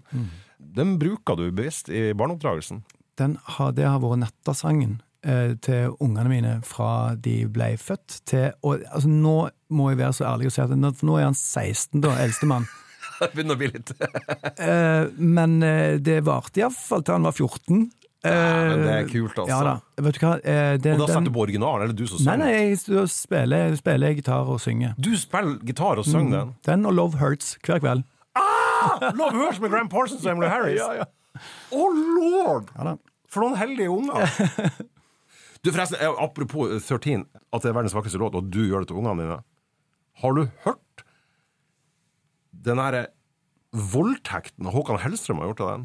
Eh, ja, det har jeg hørt. Det er noe av det verste jeg har hørt i hele mitt liv. Ja, og det er så, det er så trist, for at jeg er så glad i altså, jeg, er veldig, jeg er fan av Håkan Hellstrøm. da. Jeg syns det er skikkelig skikkelig bra. Og, Jeg er jo ikke det, da. Men, men, men, og i hvert fall ikke etter at jeg hørt det, der. Nei, eh, det, det, det var, det, jeg ble òg litt lei meg av det der greiene der, men, men Han har laga video til det òg. Ja. jøye meg. Ja, men jeg, har, jeg, jeg er omgitt av eh, Håkan Hellstrøm eh, Jeg er omgitt av Håkan Hellstrøm-musikk, for eh, han yngste mann er så sykt glad i det. Og, Og han elsker Håkan Hellstrøm. ja da. Har han hørt 13? Eh, ja, det, For det den, har skal, nok. den skal jo originalt være fremført av Christer Knutsen. Ja, sant. Men det som er, han yngste mannen min, når han var ni år, så tok han imot Spellemannsprisen, eller Grammisen, til Håkan Hellstrøm. Hæ?! Iført Kiss-kostyme, og, og, og så sang han, eh, sang, synger han En av de Håkan sitter og spiller gitar og synger. Her, her snakker vi det. Skal vise deg etterpå. Helt, helt uten diskusjon, Nordens største artist. Altså sånn by a mile, eh, Håkan Hellstrøm. Mm. Hvordan skjedde det her? Nei, det er, det er, det er en lang historie. Herregud. Da skal ikke jeg begynne å snakke ned Håkan Hellstrøm. Jeg, bare, jeg ble bare så rasende da jeg hørte 13. For den er sånn helligbrød for meg. Det, skal, ja. den, det er nesten ingen som får lov å gjøre den. Nei, Jeg husker til og med Lemonheads gjorde den. eh, ja, det, det er en forferdelig versjon, det òg. Den er ikke noe bra, den heller. Det er sånn, den skal bare være med en tolvstrenger og skilten, liksom.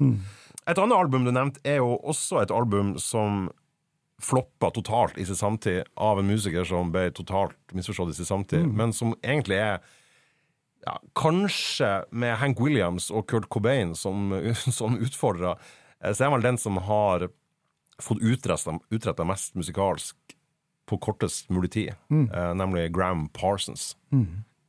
Du har plukka ut ei skive med Graham Parsons. Ja, altså uh, Grievous, uh, Grievous Angel-plata. Ja. Uh, den, den, den eh, GP er òg en fantastisk plate, men litt, eh, litt mer Kjennes litt Han har på en måte ikke funnet kanskje helt eh, den der kosmiske viben som han finner på, på Grievous Angels. Det er helt spektakulært.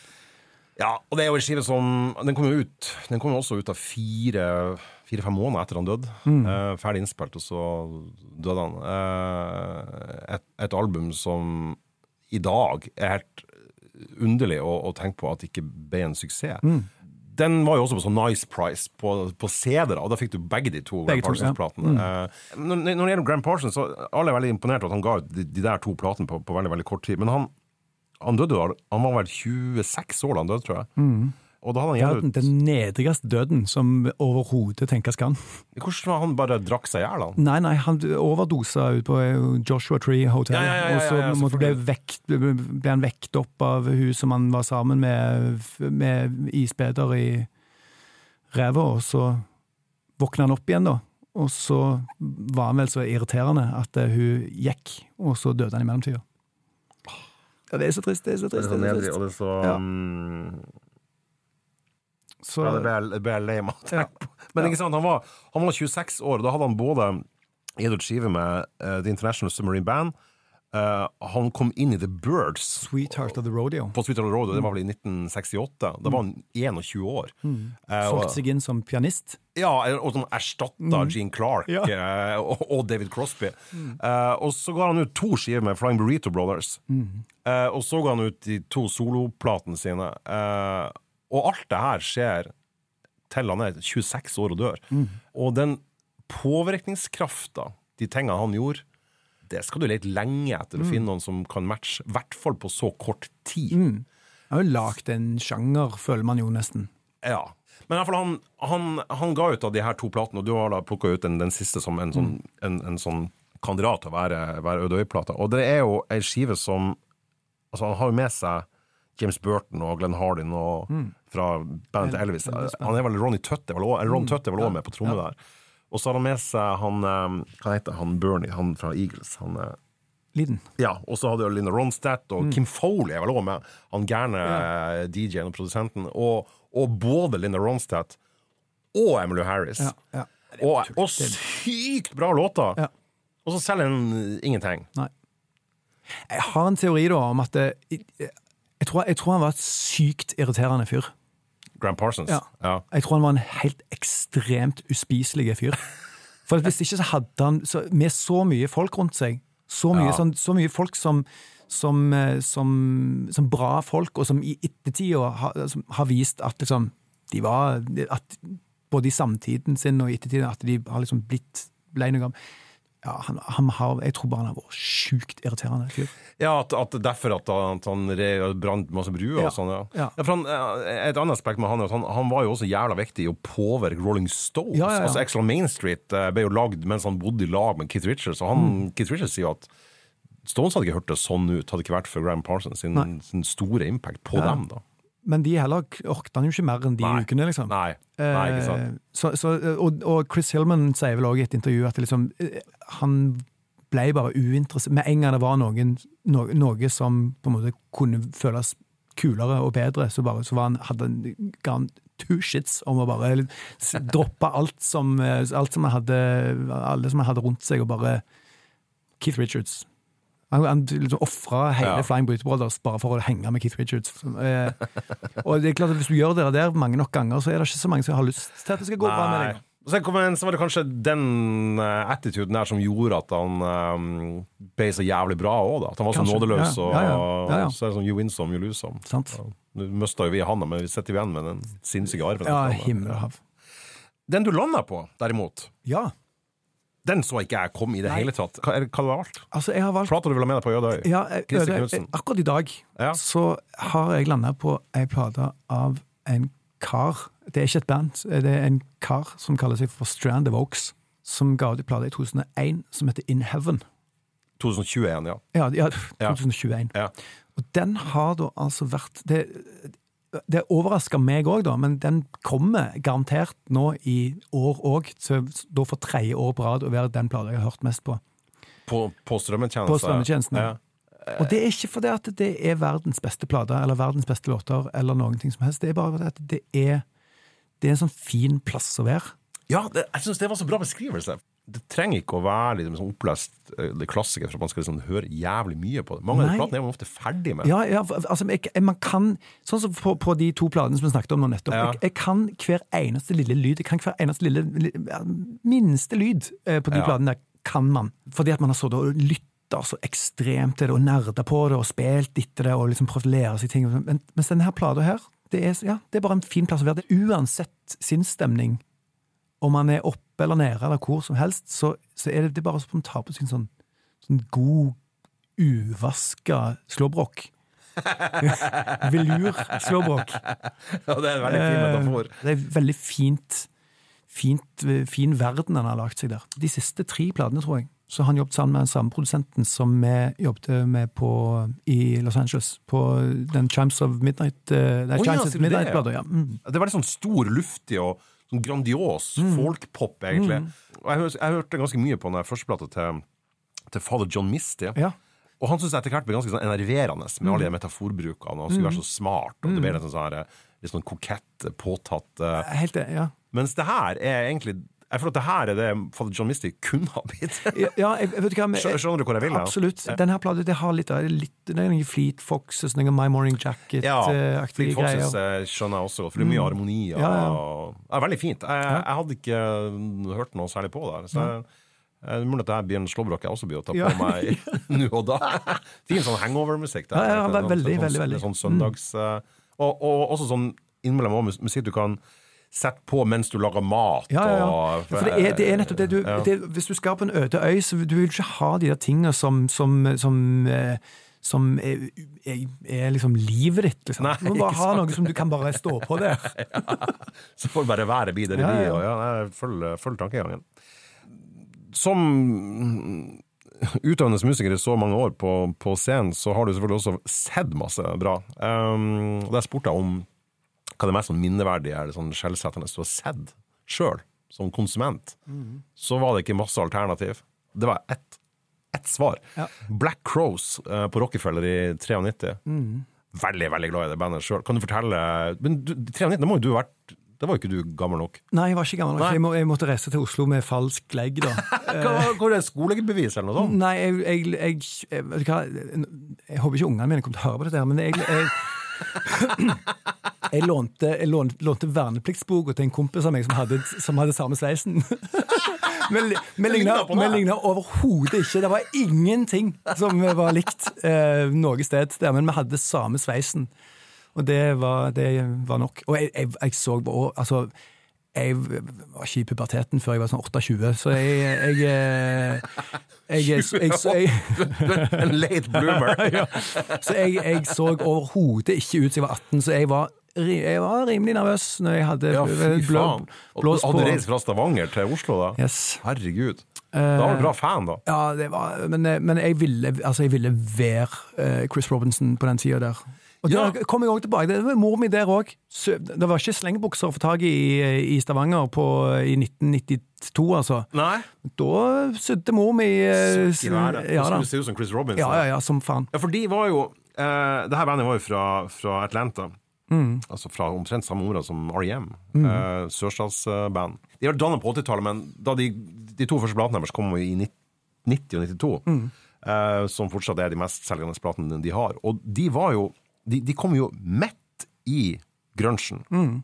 Men de var jo aliens eh, Mm. i det her eh, universet. Eh, de spilte jo egentlig rock som om de hadde bare blitt slett ut av en sekk fra 70-tallet. De hadde liksom ingenting med samtida å gjøre overhodet. Nei, nei, nei. Hvor var det du eh, snappa det? De var, men det var jo MTV-band og alt sånt, altså, men det var, det var, de, var, de var så annerledes enn alle, husker jeg. Ja. Det var det, var, det, var det storebroren min som kom hjem med, med Shaker Ja, Moneymaker-plata. debuten, ja. ja. Mm. Og ja, det var, det var sånn, sånn, sånn eh, helt ekstre, sånn, sånn, sånn slag i fjeset-øyeblikk for Ja, min del. ja, det er en helt fantastiske plate. Jeg tror ikke den var, hadde noen sånn særlig popularitet. Iallfall ikke i, i, i, i min Nei, i- krets på den tida der, så, så var ikke det en plate som eksisterte. Det var ikke noe man I visste om. USA ble de jævlig Ja, ja. De fikk jo en hit med den coverversjonen av Hard, to Handle. Ja. eh, Men, men, og så var de langt oppe på listen, men det var vel den andre plata som på en måte da de breaka ordentlig, sånn Ja, på MTV og for, for, det, for den kom jeg, Sånn som jeg i hvert fall har, har denne tidslinja i mitt hode nå, så tror jeg ikke vi hadde hatt den der Shake Your Money-maker-plata lenge. Jeg stjal, jo den. Ja, ikke sant? Ja, Eh, I det øyeblikket han kom inn dørene. Jeg vet ikke om broren min noen gang omtrent fikk hørt på han. Men jeg tror ikke det var lenge etter at den hadde kommet i hus, at Southern Harmony Musical Companion kom ut. andre skiva. Ja. Ja, og da var det det virkelig rakna for min del. Det, Ja. da, eller ikke rakna, men ja, det, da falt mye på plass, da. Men det er jo ikke så jævla fjernt heller å se deg for deg i Chris Robinson-outfit at du må ha ligna ganske mye. Jeg gikk skikkelig all in på, på, på det greiene. Jeg har oh, sett, jeg har rimelig, ja, da, jeg, jeg har sett rimelig dust ut. Du skal få se etterpå. Uh, Røkte, røkte veldig mye hasj på den tida? nei, nei, nei. nei, nei, jo nei, nei. Ja, Men vet du hva? Men- Hang, hang on here. Ja, ja, ja. det, det, det kommer. For det som er greia, er at jeg, var, jeg gikk på konsert. eh, På, på, jeg gikk på, på Black Cross-konsert i 93 hadde en helt sinnssyk opplevelse der inne. Men de fikk dårlig kritikk, da. Publikum likte og sånn. Ja da, ja, ja, Ja, det var, helt, det var sykt bra stemning. Eh, Kronprinsen var der, husker jeg. Eh, Kronprinsen ja, var her, ja. Jøss. Men, så vi, vi, hadde, vi hadde en sånn sinnssyk konsertopplevelse Ja. med meg og et par kompiser som hadde reist. Og så må vi rett og slett spole 30 år fram i tid. 30 år frem, ja. I år. Nei I fjor? Eh, eh, nei, ikke 30. I 2019 var det. 2019. Ja, okay, ja, ja. Så spilte Chris Robinson Brotherhood. ja solobandet til frontfiguren, Ja. som er dritbra. Som er et sånn kosmisk eh, country. En sånn Grateful ja. Dead-coverband. ja, en måte. mm, ja, dritbra. spilte de på Rockefeller, og der, i det bandet der spilte en fantastisk gitarist og låtskriver og artist eh, som het Neil Casal. Neil Casali, han, Ja. han, var- han ga ut noen skiver på Glitterhouse i sin tid. han, stemmer. Ja, stemmer det, ja. ja. Han, ble, han ble jeg venn med, rett og slett. For veldig... han døde jo for ikke så lenge ja, siden. ja. Han spilte jo for faen med Ryan Adams òg, ja. Ryan Adams, og så spilte han jo også med, med Gospel Beach. Og det kjenner jeg ikke. Ja, men Beachwood Sparks spilte han med. Men det som er for veldig mange år siden, sånn, tilbake igjen i sånn Ja. 2004-2005, rundt omkring der, tenker jeg, så, så spilte Neil Casal på, på Rock Bottom her i Oslo, en sånn liten eh, bluesklubb egentlig her i Ja. Oslo. Og da kom han, han kom han bare rett bort til meg etterpå og spurte hvem, hvem jeg var. Eh, og han skjønte at vi var Faces-fan, så da kom det bo- på Faces. Altså Faces, bandet Ja. Faces, Ja. med Roll Stewart. Ja. Ja. Så han liksom bare liksom You're a Faces-fan, sa han. Sånn, ja, ja. Så, han så det! Men så, så, Å, det er helt nydelig! så neste gang Og derfor ble du kjent med, ja, med Neil, ja. Så, så neste gang han kom til Oslo, så, så meldte han meg og spurte om jeg kunne spille Om jeg, om jeg, om jeg ville være med være med han og spille Debris, eh, som er Faces-låt. Så, så vi, vi, vi traff hverandre i, alle år når han var Det var det fineste jeg har hørt på Ja, lenge. Ja. Så både når, Ryan Adams var her og spilte, og de, møtte han, møtte han eh, hver gang han var her. Men Wow. da med Chris Robinson. Så er vi tilbake igjen til Chris Robinson. Ja, ja, ja, ja, ja. Så når de var her og skulle spille, så kom jeg hjem fra turné samme dagen. Dro rett på Rockefeller for å hilse på, på Neil før konserten. Og så eh, tok han med inn for å hilse på Chris Robinson. Frontfiguren i Black Rose. Yes. Eh, hvor jeg da eh, Det var jo en, det var, må jo si det var en opplevelse for, Ja, en, for, faen, en, ja, eh, for, for meg, da. Fan, ja. mm. Og på Rockefeller. På sånn Rockefeller. Full circle. Ja. Ja, ja. Så jeg, og jeg sa jo det til han at liksom, den første konserten var For det var den første ordentlige konserten jeg var på. Da.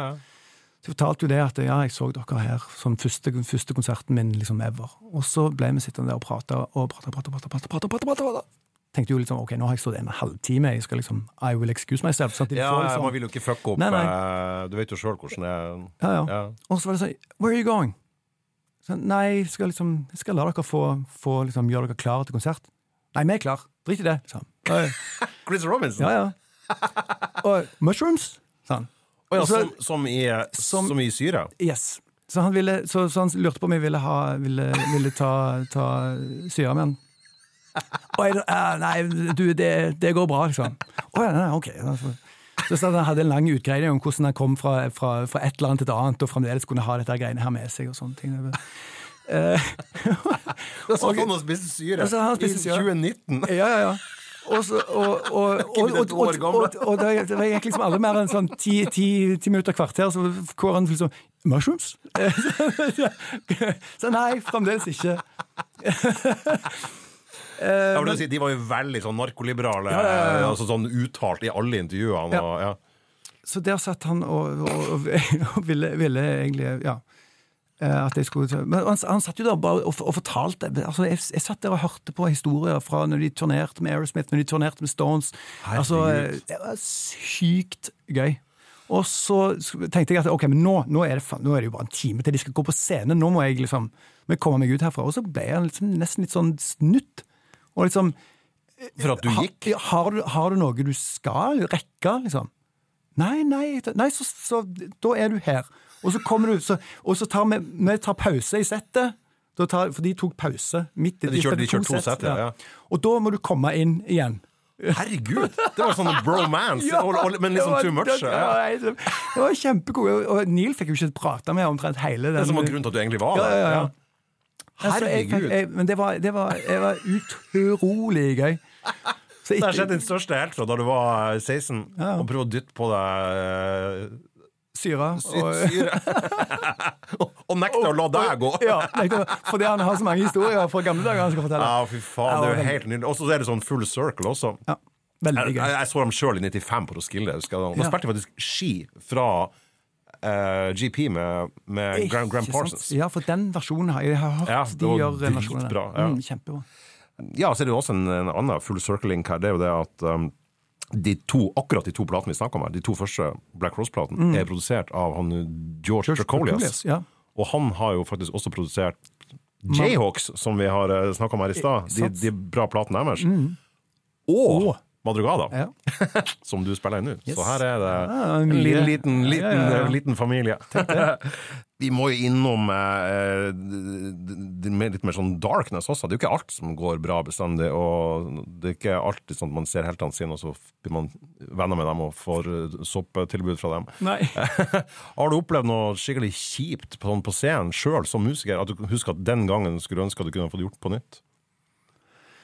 Ja, eller gjort på nytt vil jeg overhodet ikke vil- eh, Nei. eh, Jeg, altså det, jeg tror noe av det verste jeg har opplevd sånn mens jeg står på en scene, det var rett etter jeg hadde blitt med i, i bandet til Sivert. Vi hadde hatt én liten turnésving eh, på, på høsten Nei, ja, på høsten Det var Moonlanding-plata? Ja, Moonlanding-plata. I Som hadde hatt en liten sving 2009. Ja. En liten sving der på høsten, og så eh, er det vel januar Altså er det ikke januar Spellemannsprisen pleier å være? Jo. Mm. Rett over nyåret iallfall, så var det Spellemannspris, og da skulle vi spille på Spellemannsprisen der. Eh, og så hadde jeg sånn, trå, hadde jeg sånn trådløs system. Ja, det, det, man det ligger på YouTube, det her. Eh, Det gjør det, Det ser du. ser ut som du ikke har the time of your life. Fytti helvete, altså.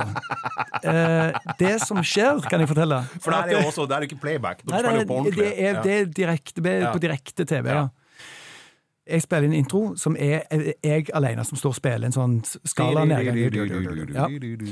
Og akkurat når den er ferdig, heldigvis For hvis, ikke, hvis ikke det, da hadde det er veldig stilt. Ja. Så akkurat når den er ferdig, og jeg står og tøffer meg eh, der som man gjør, så merker jeg at ja, var det veldig lite lyd her. Og så skjønner jeg ingen verdens ting. Jeg skjønner fuck all av hva som har skjedd, og går og jeg surrer rundt der oppe på scenen. Du og jeg- masse og bak forsterker, ja, og må sette, deg ned og er det, jeg, må, jeg må høre, liksom, for det, det kommer jo lyd fra alle kanter. Sett meg ned der og høre liksom Nei, her er det jo ingen lyd. Og går, mens jeg går og virrer der, så ser jeg ned på gulvet, så ligger det to batterier på gulvet. Og som har ramla ut av det! Som jeg liksom nesten sklir litt på. Ok, så skjønner jeg at okay, det, er, det er rett og slett batteriene fra trådløssenderen. For den, den ene gangen For dette her var noen sånne gamle trådløssender som jeg, jeg tror man hadde arva dem fra Keisers Orkestra. Uh, og, han, han backline-tekken vår han pleide alltid ha en sånn, sånn, sånn, eh, sånn, et sånn strikk som han, som han satt rundt for å sikre den. der, For den, Ja, ja, den, ja. klaffen var dårlig. Så han hadde, det hadde han glemt. Den ene, Den ene gangen på gangen. direktesendt TV Yes. med én million seere. Yes. Så da går jeg og virrer rundt oppå scenen, og du kan sette Sivert òg på et eller annet tidspunkt. Hva faen er det du holder på Ja, med? ja, for du ser at det brer seg en slags usikkerhet i bandet. ja, ja. Du, du, det er veldig dårlige vibber der. Og, og, og, um, og du ser, og så prøver du liksom å tøffe deg litt sånn imellom, for Ja, ja. du, må, du har jo de fire minuttene dere skal Ja, ja, ja. Jeg må late som om dette her funker. ja, og han Cato, som da er den andre på gitar, han tar ansvar, da. Ja da. Så det går jo det går helt, det går helt fint. Det går helt fint. Jeg hadde- tror det er veldig, mange la merke Hadde, til jeg- det. hadde jeg visst, ja, ja, hadde jeg visst hvor, hvor det, det, var jo, det var jo to andre elgitarer der oppe. Hadde jeg, hadde jeg tenkt meg om, så hadde jeg jo bare tenkt at ok, vet du hva, nå må jeg bare mime resten av, Ja, av greiene og late som ingenting. Men, jeg går, men herregud, hvis du, hadde, hvis du zoomer helt inn på det der greiene der, så er sikker på at du kan se at det sitter to folk med spett inni bak øynene mine og hamrer. Det er veldig artig. Det ligger på YouTube. Bare se det. Og tenk Christer Knutsen. Da er det veldig veldig artig. Mhm. Det er en fin låt òg. Det er jo den uh, Bellorado, ikke den heter den låten. Jævlig bra låt.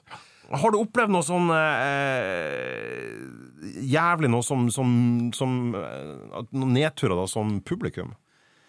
Altså som publikummer. Jeg blir, jeg, blir alltid, jeg blir alltid utrolig lei meg når jeg ser ting som Når jeg er på konserter med folk som jeg, som jeg eh, gjerne beundrer, eller som jeg er fan av, og du merker at de ikke bryr seg.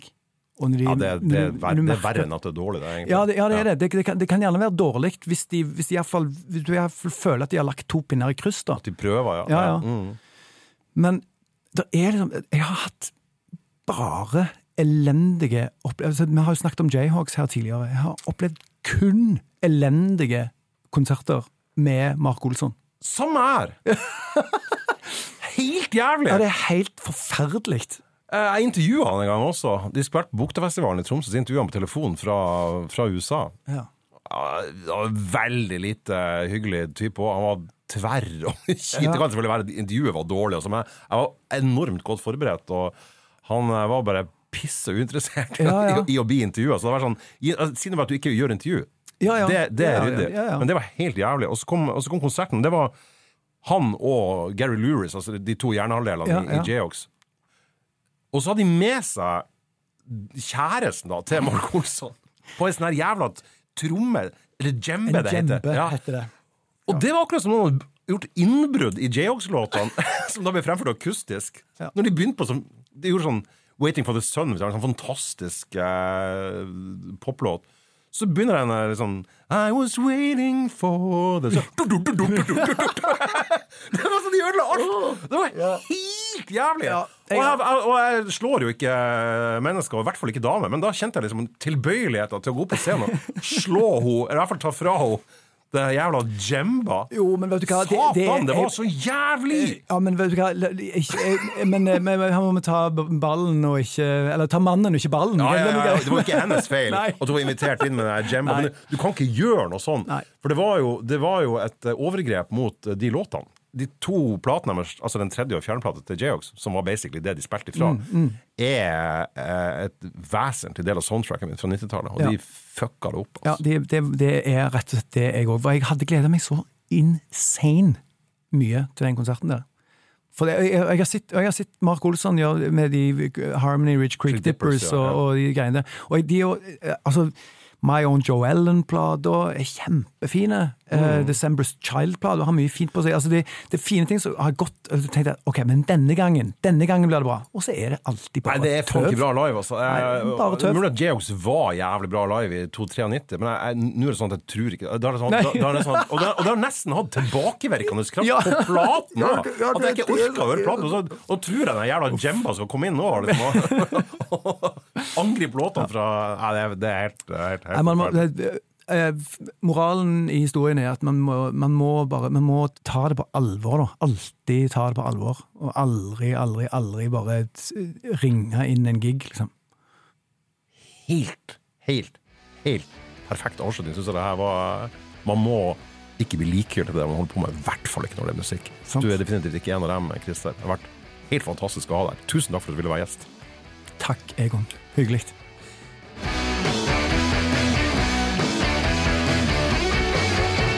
Feedback er en podkastserie fra avisa i Tromsø. Produsenten for sendinga var han Svein Lian, og jeg heter Egon Holstad. Husk også at vi lager spilleliste der all musikken som nevnes i sendingene, legges til. Og de finner du på hjemmesiden til Tromsø i feedback-seksjonen, der du også finner anmeldelser av plater, anmeldelser av konserter, samt intervjuer, liste og masse annet aktuelt musikkstoff.